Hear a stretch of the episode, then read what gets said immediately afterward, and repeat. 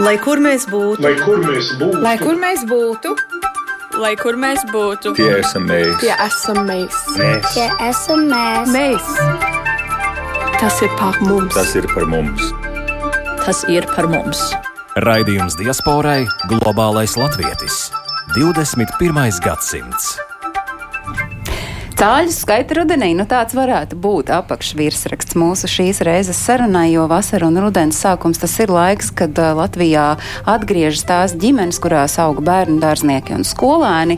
Un šoreiz sarunāsimies un izzināsim dažādus praktiskus jautājumus par to, kā tad īsti šī reemigrācija notiek, cik gludi ir iekārtoties jaunā darba vietā, atrast bērnam skolu vai bērnu dārzu, kā galu galā sokas ar uzņēmē darbības uh, uzsākšanu, arī dzīves vietas iekārtošanu, kādi varbūt arī ir tie praktiskie un izšķirošie aspekti, atgriežoties uz dzīvi Latvijā.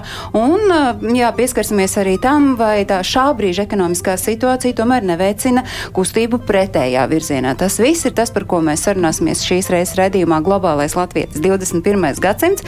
Un šeit studijā mēs esam aicinājuši Edīti un Rudolfu Ligerus, kuri ir šovasar atgriezušies Latvijā pēc deviņiem Vācijā pavadītiem gadiem. Un kopā ar Edīti un Rudolfu šodien studijā ir arī septiņgadīgā Lizeta, viņu meita. Labdien! Labdien! Labdien! Un, labdien, labdien Lizete! Brālis Kārlis ir kur? Dārziņā. Viņš vēl Lizete ir pirmklasniece, Kārlis. Viņām ir trīs ar pus gadi. Daina Šulce savukārt ir Rīgas plānošanas reģiona remigrācijas koordinātore. Labdien, Daina! Labdien! Un savukārt attālināt mūsu sarunā piedalās Andris Segliņš, kurš ir EURES, kas ir Eiropas nodarbinātības dienestu sadarbības tīkla projektu vadītājs. Sveicināti, Andri! Labdien! Sāksim ar to jūsu pieredzi stāstu. Viss ir pareizi, ko es saku. Šovasar pārcēlāties uz Latviju, pirms tam deviņi Vācijā pavadīti gadi. Edīte ir uzņēmēja, ražo kukaiņu proteīnu uzkodas, Rudolfs asinsvadu ķirurgs un ģimenē tad aug divi bērni, Kārlis trīs ar pusgadi, Lizete septiņi gadi. Ļaujiet minēt eh, bērnu dēļ pieņēmāt lēmumu atgriezties vai aizšaubu garām? nē, nē, tieši tā arī kopumā tā arī ir sevis. Un ļoti liela loma ir tieši mūsu bērniem, jo mēs ļoti, ļoti gribējām, lai viņi augtu mūsu dzimtenē, runā labā latviešu valodā. Un, jā, ir kopā ar mūsu vecākiem, kas ir viņu omītes, un mūsu brāļiem, māsām, mūsu draugiem. Nu, tā ir tāda neatņemama atgriešanās, tāda būtiska sastāvdaļa. Kāpēc aizgriezāties? Te ir jāsāk ar to, kāpēc jūs bijāt Vācijā šos deviņus gadus. Te es atkal laikam skatīšos vairāk uz Rudolfa pusi. Nu jā, tas tā varētu arī būt, ka tas man pusi jāskatās, jo rezidentūru uzsākot, gribēju uzsākt rezidentūru šeit, tajā mirklī nebija vietas tieši asins vai ķirurģijā, ko, ko es tieši tā biju nolūkojis, kā iecerēto, iecerēto tā kā nozari. Tad nebija vietas, un tad mans brālis jau bija Vācijā, strādāja tieši šajā nozarē arī, un tad aizbraucu pie viņa lūkoties ziemeļmeitu. Un, uh, tā arī tur uh, iepatikās. Un tad aizbraucām tur, izmācījāmies, un tad tā arī tas uh, ceļš mūs veda atpakaļ. Nu, kāda bija tā ikdiena Vācijā, tev kā asinsvadu ķirurgam rezidentūrā, un cik varbūt vienkārši bija to profesionālo karjeru tādā augstā līmenī noturēt arī atgriežoties šeit Latvijā? Nu, Vācijā, protams, tas bija tāds izaicinājums to visu ar valodas barjeru sakumbinēt un labā līmenī uzturēt sākumā, bet tad, kad tā, tā valodas barjera tika pārvarēta, tad, tad jau viss vis, vis lēnām iebīdījās. Tur varēja ļoti daudz ko mācīties no augstas klases speciālistiem. Un, jā, tad, kad atgriezos šeit, tad, protams, nu, ko nu kad atgriezos, tie jau ir tikai divi mēneši šobrīd. Ja? Bet uh, tas viss ļoti, ļoti palīdzējis man. Ir, domāju, veidojis man ir gan profesionāli, gan arī, gan arī domāju, personība man ir kaut kāda. Bet ir praktiski atgriežoties, kurš bija tas brīdis, kad jūs kā ģimene sapratāt, nu, ka nākamo mācību gadu jūs mm. gribat, lai jūsu bērni, tam, kuram ir jādodas uz pirmo Jā. skolu, uz pirmo klasi skolā, ka, ka jūs būsiet šeit Latvijā. Uh, tu savukārt no savas profesionālās Aha. puses raugot, nu kā nē, nu, man jau liekas, ka Latvijā darba roku medicīnas jomā mm. trūks, tevi arī saņēma ar atklāstām rokām un kurā brīdī darīt, tad tu skaidri zināji, ka es eh, strādāšu tur vai tur. Tas, tas diezgan vēl arī, nu, nu vēl, tas diezgan uh, tuvu tam ieklim. Uh, bija pienācis tas izvēles mirklis, kad mēs jau domājam pārvākties. Pārvākšanās periodā mēs no, noteicām, ka būs tad, kad Līsete ies pirmajā klasē, tad mēs tā kā pārvāksimies. Tas bija tas punkts, un tad jau paralēli, protams, kādu ilgāku laiku iepriekš skatījāmies, ko varētu darīt, kur varētu darīt. Bet uh, tas gala lēmums, jāsaka, nāca diezgan, diezgan uh, ilgi nāca, bet atnāca. Un, jāsaka, labi, labi arī atnāca. Bet uh, atplastām rokām sagaidīja medicīnas jomā. Jā, tā var teikt, ka uh, atplastām rokām, nu, protams, šeit jau arī ir ārsts, kur arī grib strādāt. Un ne visi grib kaut ko tādu. Tā ir tāda salīdzinoši šaura arī jomas, šaura niša, kurā es, kurā es esmu arī nodarbojos. Līdz ar to tik, tik plaši tās rokas at, atplastas, protams, nav, bet, bet nav tā, ka arī raidīja prom. Bet šobrīd, tajā mirklī, kad jūs jau braucāt šurp, tad bija jau tā darba vieta zināma, vai tas pēc tam, tad, kad atgriezāties, tad satiekoties, es nezinu, tur aci pret aci ierauga, ah, nē, šito čauli mēs lūk varam ņemt. Nē, bija, bija tā, ka uh, kaut kādas iestrādes bija, nu, ka bija zināms apmēram uz kurām pusēm iet, bet simtprocentīgi uh, nebija, nebija zināms. Nē. Edītei uzņēmēja darbība aizsākās esot Vācijā. Un jāteic, nu, iespējams, Vācijai tas nav specifiski, Latvijai iespējams tas ir gana specifiski. Karls Baks ražo nu, ļoti novienkāršojot kukaiņu uzkodas, nu, satur kukaiņu proteīnu. Cik vienkārši iekustināt bija biznesu šeit, vai sanāca tā pārcelt uz Latviju? Nē, pārcelt noteikti nesanāca. Es diezgan nejauši pieteicos uh, Lijā uzsaukumam validēt savu ideju tieši diasporiešiem, kas, ir, kas atrodas ārzemēs. Un, uh, jā, tā arī būtībā mans. Uh, kukaiņu pētījums, kas ir no 2017. gada. Tā ievirzījās tādā praktiskā, praktiskā līmenī. Un, jā, tad kopā ar cepu šokolādi Ilzi Garanču uztaisījām pirmo prototipu. Tas vienkārši aizvēlās kā tāda sniega bumba uz, uz reālām skaistām konfektēm.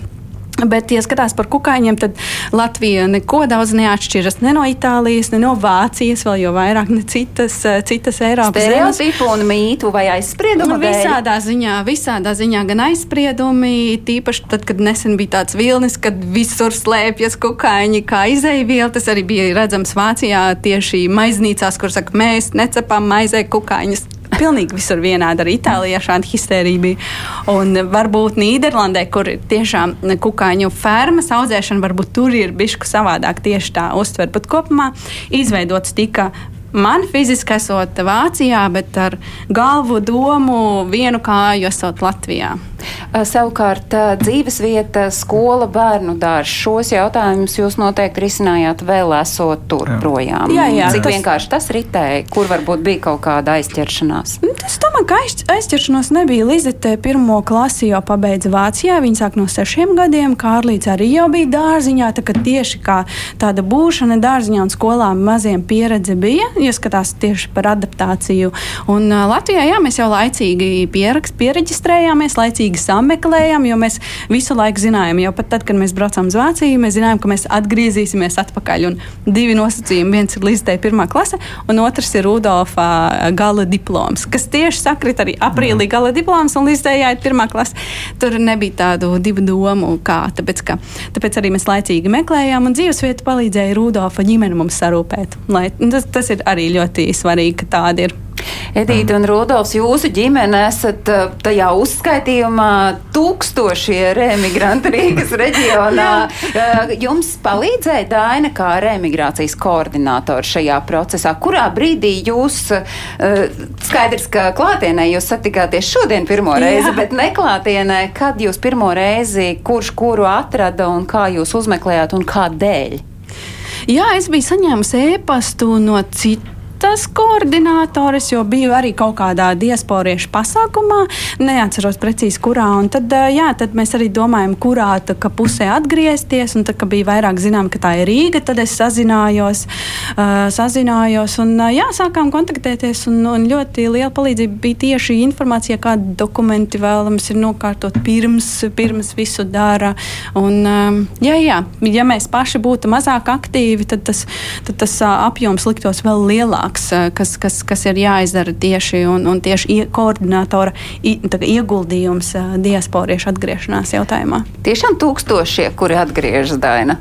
Jā, Tā ir tā, kā tieši... tā uzskaita notiek, jo skaidrs, ka visi jau neiziet cauri jūsu sietam. Kāds noteikti atgriežas un cīnās un kuļās pats saviem spēkiem. Jā, atgriežas daudz vairāk. Un, Pagājušajā gadā, man liekas, atgriezās 7000, bet teiksi, teiksim, tie, kas ir manu šo palīdzību ir prasījuši, piemēram, iepriekšējā gada laikā ir ap 200. Ja? Jo ir cilvēki, kas varbūt paši nokārto, bet tie, kuriem ir vajadzīgas kādas konsultācijas, kontakti, viņi sazinās. Man ir, protams, datu bāze. Un tad, kad man paziņo remigranti, kad viņi ir atgriezušies, es viņus ielieku datubāzē un izkrīt cipars tūkstotis. nu, šobrīd, kā tur izskatās pēdējā, nu, līdz šim brīdim, cik ir atgriezušies jums zināmie Rīgas reģionā? Un salīdzinot ar iepriekšējiem gadiem, tā tendence, jūs minat, ka ir tendence pa palielināt. No 2018. gada, kad darbojās remigrācijas koordinātoru programma uz Rīgu, ir atgriezušies šais nepilnu piecu gadu laikā. Uh, šobrīd ir 1099, bet ir arī tādi, kas atgriežas paši un pēc tam zvana un lūdz kādus uh, konsultācijas. Turklāt pienāk vēl uz šo brīdi um, 222. Bet runājot par šo gadu, ir atgriezušies tieši 2023. gadā 188 uz šo brīdi. No rīta iegāju datu bāzē, pārbaudīju, un patstāvīgi, kas ir atgriezušies un vaicājuši pēc kontaktiem, ir 56 cilvēki, personas. Tad vairāk nekā 200 šajā gadā ir uh, atbraukuši uz Jā, Latviju. Uz šo brīdi jau ir. Kas Jā. ir tā akūtākā, nu tā biežākā nepieciešamība, kad koordinators ir vajadzīgs rēmigrantiem? Droši vien dienā strādājot, ir izkristalizējies nu, kaut kāds tāds, nezinu, top 5, kas ir tie jautājumi, kurus jums nākas palīdzēt risināt. Nu, top 5 ir bērnu dārza skola un arī visi tie dokumenti, teiksim, kas ir jānokārto. Es jau vienmēr saku, ka ir patiesībā tādas trīs uh, jautājumu grupas, ar ko es saskaros. Viena ir tāda tradicionālā, tā ir skola, darbs, dzīves vieta. Tad ir tāda uh, jau netradicionāla, kur parādās piemēram jaut, tādi jautājumi, kā nokārtot dažādus nodokļu jautājumus, vai kā pārnest biznesu uz Latviju, vai arī tur ir parādās tādi diezgan tādi interesanti jautājumi, piemēram, atbrauc un zvana man, kur es varu nopirkt e-talonu sabiedriskajam transportam Rīgā, ja? teiksim tādi. Un tad ir tā trešā grupa, kas ir visemocionālākā, vis tāda. Mm, viss tāda dziļākā kaut kur, uh, tie ir tādi ekstrēmi gadījumi, kad, piemēram, atgriežas, viņam nav kur dzīvot, viņam nekā nav. Uh, tas, šie jautājumi arī lielā mērā saistās ar um, jauktajām laulībām, kur ir iesaistīti bērni, pāris šķirās. Teiksim, notiek kaut kāda tiesvedības procesa ārzemēs. Tie ir tādi nu, ekstrēmi jautājumi. Bet uh, ir tā, ka. Uh, pareizākais ceļš, ja cilvēki ir nolēmuši atgriezties. Viņiem tas neko neprasa sazināties ar emigrācijas koordinātoru, vienalga, kurā Latvijas malā, jo tāpēc, ka mēs esam un mēs palīdzam sagatavot tieši to ceļu, soli pa solim, ko darīt, lai tā pārcelšanās būtu uh, sekmīga, mierīga un bez stresiem. Un Edītas ģimene jau arī jau no tālienes ļoti daudz bija izdarījuši gan ar dzīves vietu. Skola arī tur kārtojās pārcelšanās procesa laikā, jo ir divas lietas. Ja ir mājoklis un darbs, tad uh, dzīves ir no, atgriežoties ir bez stresiem, jo tu arī kļūsti automātiski par nodokļu maksātāju, tev ir pieejami valsts apmaksāti veselības pakalpojumi, tu jau uzreiz socializējies konkrētā darba vidē, tev jaunas iepazīšanās, jauni darbi. Kas no tā, ko uzskaitīja Daina, kā reemigrācijas koordinātore, ko nu, tur skola dzīves vieta, darbs, nodokļu jautājumi, arī šie ekstrēmie gadījumi, kur nopirkt ētalonu, kas no tā jums bija tas, ko jūs sakāt? Jā, tas ir labi, ka Daina mums palīdzēja šo sakārtot. Edīt jau minēja, ka tie bija kaut kādi dokumenti, bet varbūt ir kaut kas vēl palicis atmiņā. Būtībā es varu teikt, ka mēs diezgan daudz paši nebijām zaudējuši tādu tiešu saikni ar Latviju. Tas ir ļoti svarīgi, jo mums abiem telefona numurs ir Latvijas telefona numurs, mums abiem ir bankas konti joprojām Latvijā, mums abiem ir elektroniskais paraksts. Tā kā, ja šādus fundamentus tu joprojām uzturi, esot, esot ārzemēs, tad atgriešanās arī ir daudz, daudz vienkāršāk. Tā kā būtībā mēs, kad zvanījām, jau mums jau bija diezgan daudz jau pašiem sagatavots, jo mēs taču zinājām, ka mēs brauksim atpakaļ.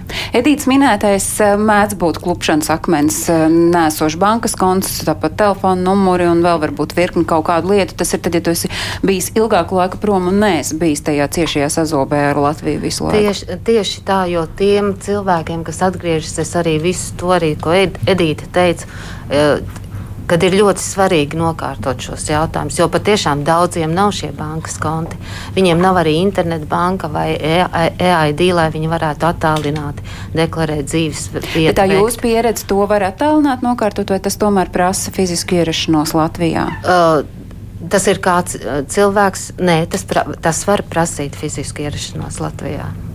Eh, iesaistīšu sarunā cilvēku, kurš attālināti mums ir pieslēdzies. Andris Segliņš ir eh, e- Eures projektu vadītājs un Eures ir Eiropas nodarbinātības dienestu sadarbības tīkls, jo skaidrs, ka ja tev ir tā darba vieta, tas, kas mums šeit izskan, tad tu arī atgriezies eh, krietni drošāku sirdi un ar mazāku stresu. Kā šī Eiropas nodarbinātības dienestu sadarbības tīkls, kā tas iesaistās un palīdz atgriezties Latvijā? Kāda ir tā jūsu ikdiena? Jā, kopumā jāsaka, šis eh, eures tīkls, jā, kā jūs minējāt, tas ir jā, tāds Eiropas tīkls, un uh, tas mūsu atbalsts ir gan tiem, kuri, tātad, būtībā tiem, kuri vēlās izmantot šo Eiropas darba mobilitāti. Un tas nozīmē gan tiem, kuri dodas uz ārvalstīm, gan tie, kuri arī atgriežas no ārvalstīm. Un mēs arī, kā Eures konsultanti mūsu nodarbinātības valsts aģentūrā, mēs arī esam kā kontaktpunkts tiem, kuriem ir nepieciešama informācija jau par tādiem jautājumiem, kur ir iesaistīts šis starpvalstu konteksts. Pieņemsim, ja es atgriežos, piemēram, pieņemsim no īrijas, ja, tad kādi dokumenti pārceļoties man būs vēl nepieciešams nokārtot, teiksim, īrijā pēc tam kādi dokumenti man būs nepieciešami šeit, jau atgriežoties Latvijā, un kā šis atgriešanās process jau par so, pa soļiem notiek.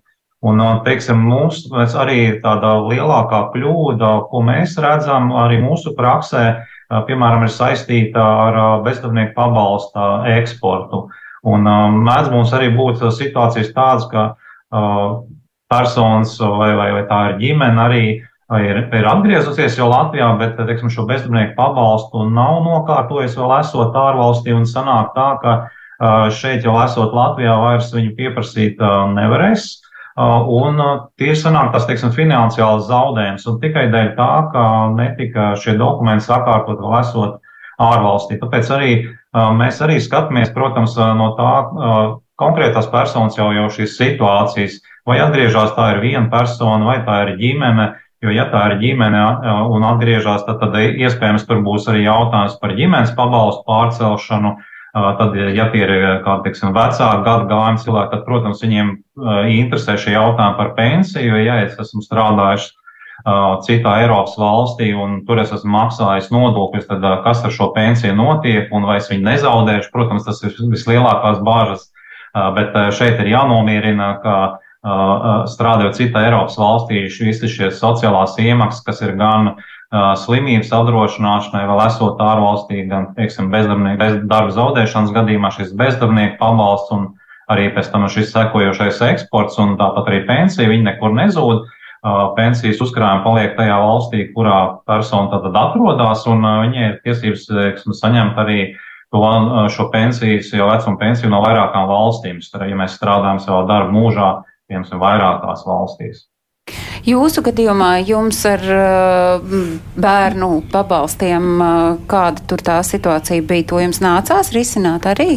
Mēs šobrīd vispār kopumā risinām vēl diezgan daudz uh, iepriekšējos dokumentus, gan Vācijas nodokļu, nodokļu deklarācijas, ka to mums palīdz Vācijā soša grāmatvede, un jā, tas šobrīd arī ir procesā. Nu, proti, tas nenozīmē, ka tad, kad uh, jūs fiziski ierodaties šeit Latvijā, nu, ka tad principā mēs to Vāciju aizslēdzam, atslēgu nolaužam, jums joprojām ir jābūt uh, sa sadarbībā ar turienes iestādēm, un kas tur jums palīdz, tad grāmatved, kas jā, jums jā. ir tur Vācijā. Jā, jā, jā, jā mums ir grāmatvedne, par cik vēl gads ir tikai pusē, tad mums jebkurā gadījumā līdz pat gada beigām ir kaut kā juridiski būt saistītiem, plus vēl, kad no, kā nākošajā gadā nobeigsim, nobeigsim šo gadu, tā, kā, tā gluži atslēga nolaužam, tā nekad nav. Tāpat mums arī ir Vācijā konts, kas, kas tiek joprojām uzturēts. Kā, jā, jā.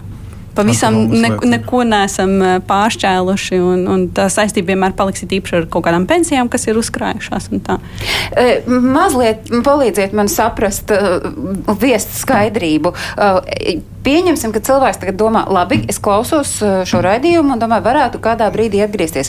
Kad ir jāvēršas pie Eures un kad ir jāvēršas pie remigrācijas koordinātora un kāda ir tās jūsu starpā šī sadarbība vai tāda pastāv? Sāksim ar Dainu un tad varbūt var Andris papildināt. Jā, nu ikdienā man darbs ar eurus ir diezgan regulārs. Man tagad arī vakar pat atsūtīja brīvdienās viena remigranti, kad viņa ir atgriezusies jau kādu laiku, apmēram nepilnu gadu, un, teiksim, viņa nevar atrast darbu, jā, bet par cik es strādāju ar eurus, tieši Rīgas konsultantu Juri Liepiņu, liels paldies par sadarbību.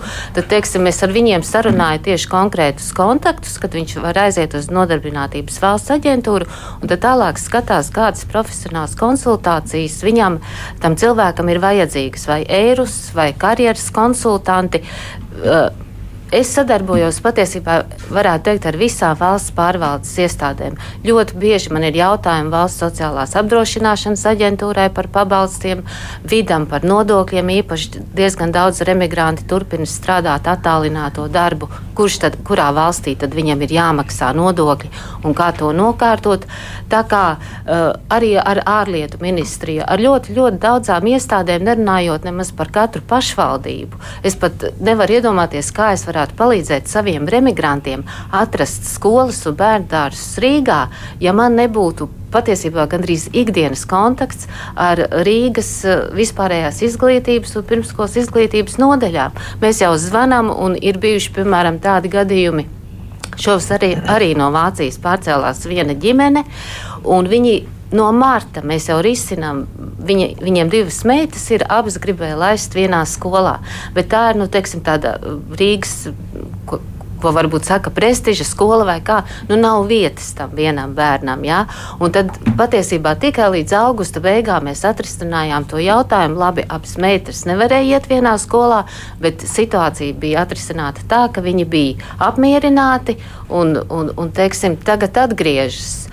Un tas jautājums, kad lai uh, remigrants, ja viņš domā atgriezties Latvijā, kad viņš sāk kontaktēties ar emigrācijas koordinātoru jau pirmajā brīdī, kad viņam vispār tāda doma ir dzimusi, vai arī tad, kad viņš vēl nav īsti pārliecināts. Mēs nevienu nesakām, brauc mājās. Es vienmēr saku, pārcelšanās ir ļoti nopietnas solis. Visu vajag pārdomāt visu vajag laicīgi sagatavot. Un, um, Tas ir ļoti būtiski, jo man, piemēram, ir saziņa ar uh, remigrantiem uh, jau kādu, varbūt trīs gadus. Viņi, mēs esam ik pa laikam kaut ko kontaktējušies, vaicājuši, un tagad, lūk, viņš ir nolēmis pārcelties un pārcelsies. Ir arī tādi, kur mēs kontaktējamies, un tomēr viņi man uzraksta, ka viņi vēl pagaidām nepārcelsies. Kas ir tur uh, tie iemesli? Nu, piemēram, tāds konkrēts iemesls bija tā, ka Norvēģija ģimene viena vēlējās pārcelties, bet viņiem vajadzēja pārdot Norvēģijā savu māju. Viņi nevarēja pārdot viņu, uh, lai būtu līdzekļi nopirkt šeit, Latvijā. Ja?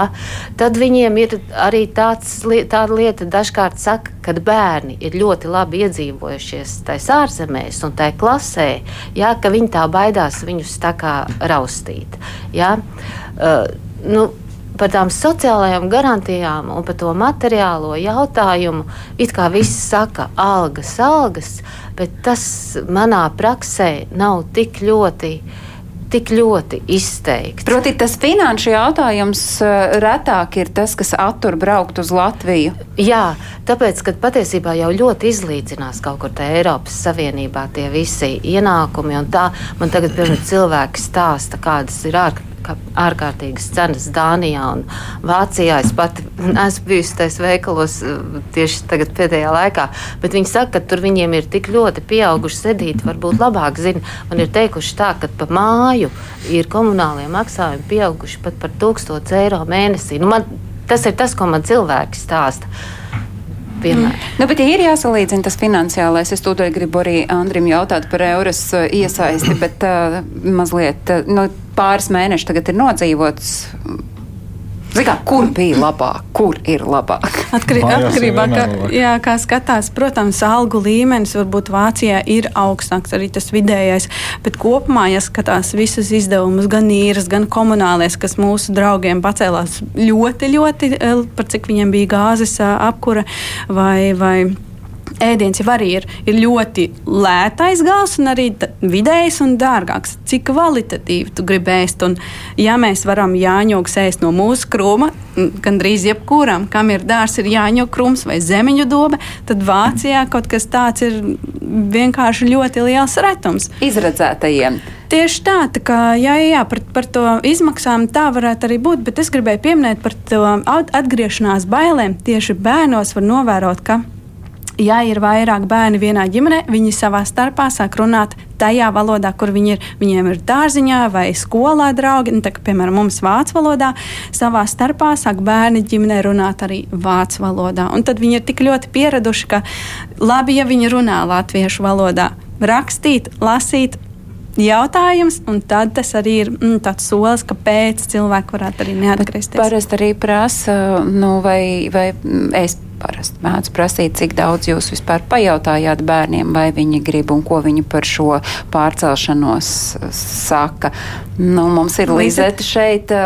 Jūs prasījāt, kamēr tēcis iedos Lizetei mikrofonu, tad Edīte saka, kāda bija tā, cik, cik daudz jūs stāstījāt bērniem, ka tagad brauksim uz Latviju. Jūs ka viņi bija bijuši šeit. Jā, jā, mēs nekādā nu, katrā ziņā mēs esot Vācijā ļoti, ļoti bieži braucām uz Latviju. Par cik mums ir divas omes, rādi draugi. Katra vasara Latvijā, katra ziema Latvijā. Viņi jau ļoti labi redz to vidi šeit, Latvijā, un to vidi Vācijā. Un, um, jā, mēs par to runājam visu laiku, ka Latvija ir mūsu mājas, ka Latvijā brauksim.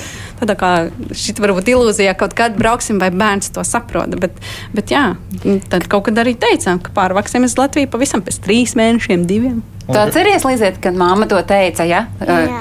Un, uh, un ko tu toreiz par to domāji? Tas būs forši braukt, dzīvot Jā. uz Latviju. Nu, kā tagad ir tajā Latvijā dzīvot? Ja tev jāsalīdzina ar Vāciju, kas ir foršākais? Latvijā. Pat Latvija ir forša. Skolā tev iet labi pirmajā klasē? Jā. Es eju zālīs sākuma skolā. Nu, skola paliek skola, sākuma skola, un tad pēc tam tālāk būs pamatskola un vidusskola, vai ne? Uh, starp citu, par sarunāšanos šobrīd uh, Lizēta ar brāli runā latviski, vai Jā. mēdzat arī vāciski kādreiz? Mēs, mēs arī runājam vāciski, lai mēs vismaz neaizmirstam. Mēs skatāmies vācu mūtens, lai mēs arī tajā brīdī neaizmirstam. Nu, protams, tās katra valoda taču mūs uztur un bagātina. Uh, Andri, kā uh, uzdevu jautājumu, un tā arī nepalaid pie vārda. Jūs varat pateikt, nu tā, man skaidri, kurā brīdī uh, man uh, nevajag varbūt iet pie reemigrācijas koordinātora, netrobelēt dainu, bet uzreiz vērsties eures. Jā, ir, ir mūsu tautieši, kuri arī patiešām ar mums kontaktējās, un jā, tas mūsu varbūt Arī piekritīšu tam, ko Daina jau teica, ka mēs arī savā starpā sadarbojamies un ir jautājumi, kur mēs savus klientus arī novirzam uz pie remigrācijas koordinatoriem un saņemam arī jautājumus no remigrācijas koordinatoriem.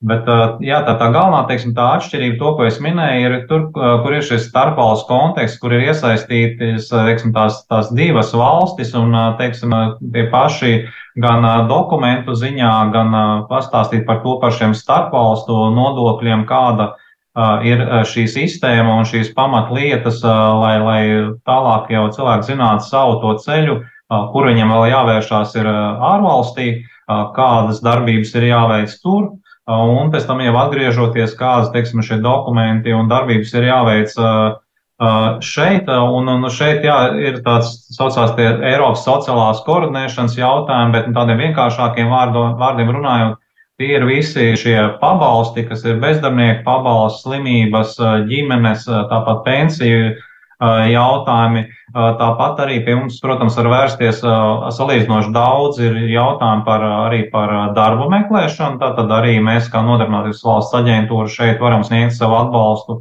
Un, un arī salīdzinoši daudz par, runājot par mūsu pakalpojumiem, interesējās tieši par apmācību iespējām. Jo iespējams ārvalstī ir strādāts kāds cits darbs, un atgriežoties varbūt vairs nu, negribās tajā jomā strādāt tad arī mēs varam piedāvāt gan apmācību kursus, gan prasmju pilnveidi. Un tas arī tās jautājumu lokus, par kuriem arī interesējās. Starp citu, vai šobrīd jūs varat uh, ieskicēt, ir kādas nozares, kurās uh, rēmigranti atgriežoties Latvijā meklē, uh, izteiktāk meklē darbu, gribētu strādāt? Es tādu kā vienu nozari vai vairākas, teiksim, nozares nevarētu izcelt, jo ir ļoti, ļoti dažādas. Ir, kas ir strādājuši ir kādā rūpniecībā, teiksim, ir vienkāršāki darbi strādāt, ir, ir kas ir strādājuši jau tāda vidēja līmeņa, vadošie darbinieki, tie ļoti dažādi, un līdz ar to arī tās nozars, un šeit, kur viņi vēlās turpināt strādāt, vai varbūt apgūt kāds jauns prasmes, tas arī ir ļoti dažādi. Bet, protams, šis iztrūkums mums arī ir šī pati informācija, komunikācija, tehnoloģija, arī būvniecībā, arī visā Eiropā trūkst speciālistu, arī mums Latvijā šādi ir pieprasīti, un tās jomas ir dažādas. Tāpēc arī mēs esam nu, tas resurs, kurš varētu pateikt, jau kurā virzienā varbūt vairāk šie darba piedāvājumi ir pieejami un, un kur varbūt arī kāds papildus kāds prasmes ir jāapgūst, lai veiksmīgāk pēc tam šajā darba tirgu varētu konkurēt un uh, veiksmīgi arī šo darbu tālāk atrast. Starp citu, jūs droši vien arī jaušat to temperatūru darba devēju vidū, raugoties uz rēmigrantiem, cik viņi ir atvērti un, kā mēs te prasījām, Rudolfam, vai plat, plati atvērtām rokām sagaida rēmigrantus?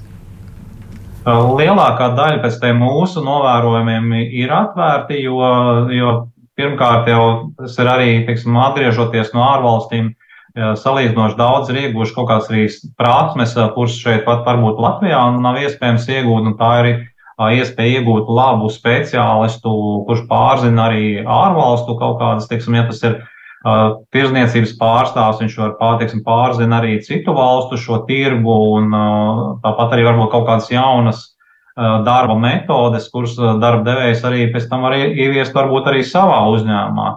Un, protams, arī tas plus, ka šī cilvēka arī runā, protams, vai nu latviešu, vai, vai, vai arī nu, krievu valodā, jā, ko arī darbdevējiem ir daudz vieglāk komunicēt nekā, piemēram, pieņemot darbā kādu ārvalstu darba kandidātu. Nu, Nodarbinātības valsts aģentūra arī rīko webinārus cilvēkiem ārzemēs. Tā arī sauc, kas jāzina par darba iespējām atgriežoties Latvijā, un pēdējais no šī gada četriem webināriem būs 19. oktobrī. Nu, varbūt ieskicēt, kas ir tie aktuālākie, visneskaidrākie jautājumi, ko cilvēki mēdz noskaidrot šajos webināros. Jā, par, par šiem webināriem runājot, jā, tie mums notiek uh, regulāri, un uh, tur mums būtībā šis webinārs sadalīs tādās divās daļās. Uh, pirmā daļa ir, kur mēs mūsu Eures konsultanti pastāst par aktuālo darba tirgus situāciju, tad, tad, kas notiek darba tirgus tieši šobrīd. Tad arī ir jautājumi par to, kas ir jāņem vērā un kādi soļi ir jāveic atgriežoties arī saistībā par šiem dokumentiem un, un pabalstu pārcelšanām un citām lietām. Un otrā sadaļa jau ir tāds jautājuma atbilžu sesija, kur arī iepriekš jau reģistrējoties šiem webināram ir iespēja uzdot jau tieši tādu individuālu, varbūt jautājumu, kas eh, konkrētam cilvēkam jau interesē. Un šie jautājumi ir dažādi, un tie ir no tādiem jau tādiem, teiksim, varbūt vispārīgām tēmām, kādas ir iespējas atrast darbu, līdz pat arī tādām, kā kur manam bērnam būs vai kāds pulciņš, jā, attiecīgajā novadā es plānoju atgriezties, vai, vai būs baseins. Man bērns ir sportists un, un vēlās turpināt arī šeit Latvijā trenēties. Tā kā ļoti, ļoti dažādi ir. Un jāsaka, arī tas uh, valstu lokus uh, no, no tiem uh, remigrantiem, kuri pieslēdzās šim webināram, arī tas uh, diezgan plašs ir. Pamatā tas tomēr ir Eiropas valstis, tā ir apvienotā karaliste, Īrija, arī Vācija. Ziemeļvalstis arī, bet nu, ir mums arī bijuši tādi no tādām eksotiskākām valstīm, piemēram, no, no Čīles arī ir bijuši, no Amerikas Savienotām valstīm, Kanādas, tādas tālākas valsts. Tā kā jā, latvieši ir pasaulē daudz kur, un ir daļa, protams, tas priecē, ka ir daļa, kur arī skatās atpakaļ uz Latviju. Un, un minēšu arī to, piekritīšu arī tam, ka bieži vien šis atgriešanās iemesls, kā arī šai ģimenei, ir tiešām ir šis, šie bērni un uh, grib atgriezties Latvijā, un, lai, lai bērni turpmāk arī būtu šeit Latvijā un, un varētu gan skolā iet, vai tas ir bērndārs, un tomēr, lai augtu šeit. Tas, tas, protams, mums arī priecē. Paldies, Dainai. Jautājums tie, kur šobrīd atgriežas Rīgas reģionā, vairāk meklē algotu darbu vai tomēr meklē iespējas uzsākt savu biznesu? Šajā brīdī vairāk algotu darbu un jāsaka, ka, teiksim, tas algu līmenis celtniecībā man ir, man ir atgriezušies vairāki būvnieki, tā skaitā no Zviedrijas. Viņi Latvijā šeit Rīgas reģionā dabūna Zviedru uh, līmeņa algas. Uh, tas ir noteikti, un arī atgriežas IT speciālisti, kas vai nu turpina strādāt attālināti vai tam līdzīgi. Bet es gribēju teikt, ka mums arī 13. oktobrī būs remigrācijas domnīca kur mums būs vienā no darba paneļiem. Mēs runāsim tieši par pensiju jautājumu. Mums piedalīsies pārstāvji no īrijas, Vācijas un ASV vēstniecībām, pastāstot par pensiju sistēmu. Kas tajās domnīcās, kurš var piedalīties, kam tas ir domāts? Jebkurš uh, no. Attālināti var pieslēgties pilnīgi jebkurš. Būs publicētas saites, aizsūtīšu arī globālajam latvietim. Un, jo tā situācija patiesībā ir diezgan nopietna. Man ir bijuši tādi gadījumi, ka cilvēki, piemēram, 11 gadus ir uh, ļoti veiksmīgi veikuši savu privāto biznesu Vācijā. Nu, tādi optiskie kabeļi zem asfalta likti un tādi ar ļoti labu peļņu. Un par tiem 11 gadiem viņš atgriežas, un viņam sarēķinātā tā vecuma pensija ir 280 eiro. Tāpat arī atgriežas no Lielbritānijas, un atgriežas pāris viens, un viņiem pa 16 gadiem vīram vecuma pensija ir 360 eiro, un uh, sievai 40 eiro. Un uh, iemesls? Nē, nu, tāpēc arī mēs to visu skaidrosim. Viņi it kā ir maksājuši visus tos nodokļus, bet ir ļoti būtiski runāt par šiem jautājumiem. Mēs arī domnīcā runāsim par to, kur ir iesaistītas abas puses, jo Latvija jau var pieslēgties tikai līdz vienam posmam. Jā, ir jāzina, kas ir noticis tajā mītnes zemē viņa, jo nodokļi ir maksāti, bet acīm redzot, ir maksāts vai nu kāds minimums, nav bijuši kaut kādos pensiju fondos fondos iesaistīti. Tā kā tas jautājums atgriežoties.